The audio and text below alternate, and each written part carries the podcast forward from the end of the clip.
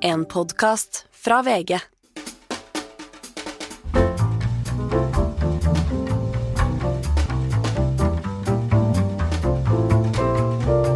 Hei, her får du en smakebit av podkasten min med Silvia Ceres, en av Norges fremste når det gjelder å tenke på teknologi og hva den gjør med oss mennesker. Vi snakker mye om teknologiens betydning for Forsvaret, om selvbestemte eller autonome bomber, om hva det gjør med internasjonal politikk, med sikkerheten vår, at også Forsvaret er så preget av teknologiske nyvinninger. Hele kan du høre på Podme eller VG+. God helg, alle sammen! Kunstig intelligens og våpen. Da var det da allerede i 2015 så skrev jo eh, en rekke supersmarte forskere, vitenskapsmenn, tusen stykker faktisk, et åpent brev der hvor de advarte mot et våpenkappløp med nettopp roboter, autonome bomber, blant annet eh, avdøde Stephen Hawking og, og nettopp Elon Musk. Har vi tatt de advarslene de kommer på alvor? De sa jo blant annet at dette var our biggest existential threat, altså vår største trussel mot vår eksistens og at det kunne være spå enden på menneskets tilværelse på jorda. Det er ganske store ord fra ganske Ja. smarte folk. Ja, og så har du Ray Kurzweil fra Google som eh, skrev denne Singularities eh, Here-boka, ikke sant, om at eh, nå snart kommer vi til det punktet hvor maskinene og kunstig intelligens og dette opplegget med dyp læring og neurale nett lærer raskere enn det mennesker kan utvikle seg. Kunstig intelligens blir smartere enn menneskelig intelligens. Ja, gjennom å lære raskere og raskere, og det lærer eksponentielt raskere, ikke sant? Det betyr at det fordobler seg og dobler seg og dobler seg, og går plutselig veldig fort rett opp. ikke sant? Helt riktig. Og det har vi, selv vi som har jobbet med kunstig intelligens, har blitt litt eh, sjokkert. Eh, du, du kan tenke deg, det folk lett forstår, det er hvordan kunstig intelligens håndterer spill. Det er veldig lett å forstå, ok, er det bra eller ikke bra. Så først vant det over eh, mennesker i sjakk, og det er Kasparov som tapte og begynte å interessere seg veldig for kunstig intelligens og etikk i etterkant. Etter det så var det eh, IBM sin Watson som da vant i Jeopardy. Det var litt spennende igjen, fordi vi tenkte at dette er naturlig språk, det er mange kulturelle referanser, dette går ikke, men det gikk. Så eh, etter det vant eh, noe som heter Deep, Deep Mind, sorry. Det vant over, Google, over spillet Go, eh, beste menneskelige spiller, en som heter Lise Doll. Go er mot sjakk, det som sjakk er mot checkers. Altså, det, det spilles på mye flere nivåer.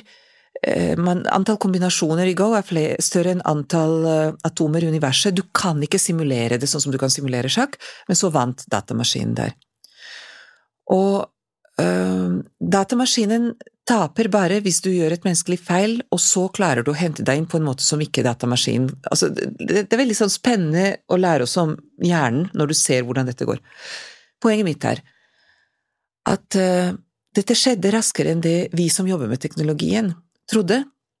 Og selvkjørende biler har blitt mye bedre enn det vi som har jobbet med teknologien, trodde. Og genetikk drevet av AI og disse CRISPR-greiene hvor du kan editere i levende DNA. Kutte opp DNA, ta ut skalle-DNA, kanskje legge inn annen- tvillingjenter som har blitt editert i, sånn at de aldri kan få hiv. Ikke sant? Mm. Alt dette er type teknologier hvor vi har sagt at dette skal vi aldri bruke for noe negativt. Men fordi det kan tjenes penger på, så vil noen gjøre det. Og er hjernene våre i stand til å skjønne hva eksponentiell vekst er? Nei. Og så tenker vi bare at ja, men ingenting vokser i himmelen, men altså, det blir stort nok til at makta blir så veldig fokusert til noen få hender, og det er disse hendene, tror jeg, som kommer da til å kontrollere disse satellittstasjoner. Elon Musk.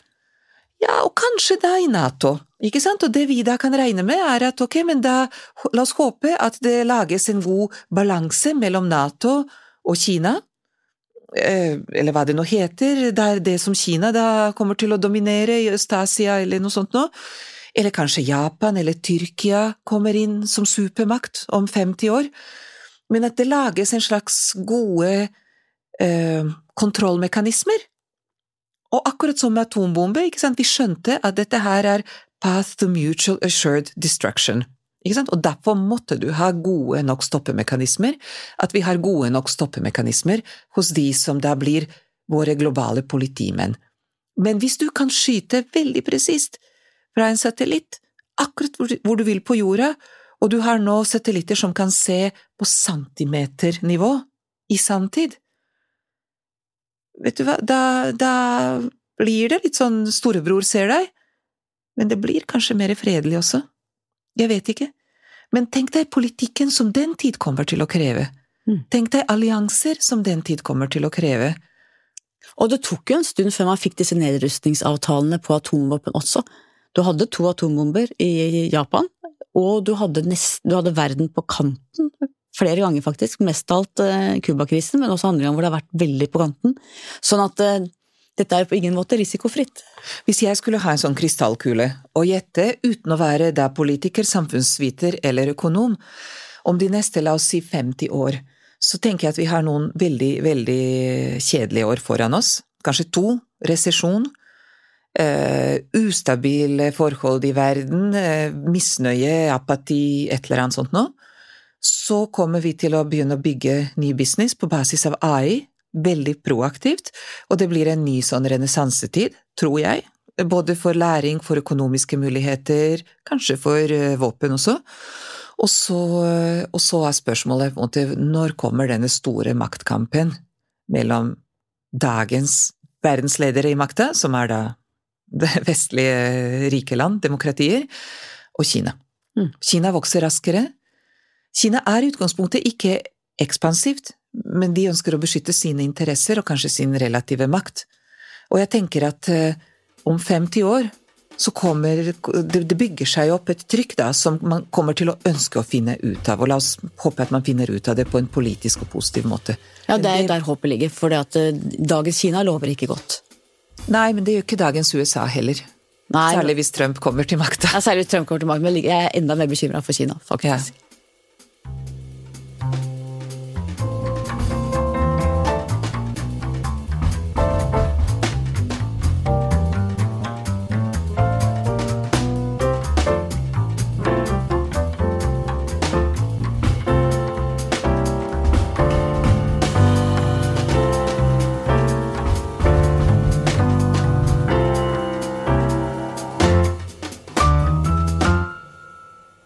Har hørt en podkast fra VG.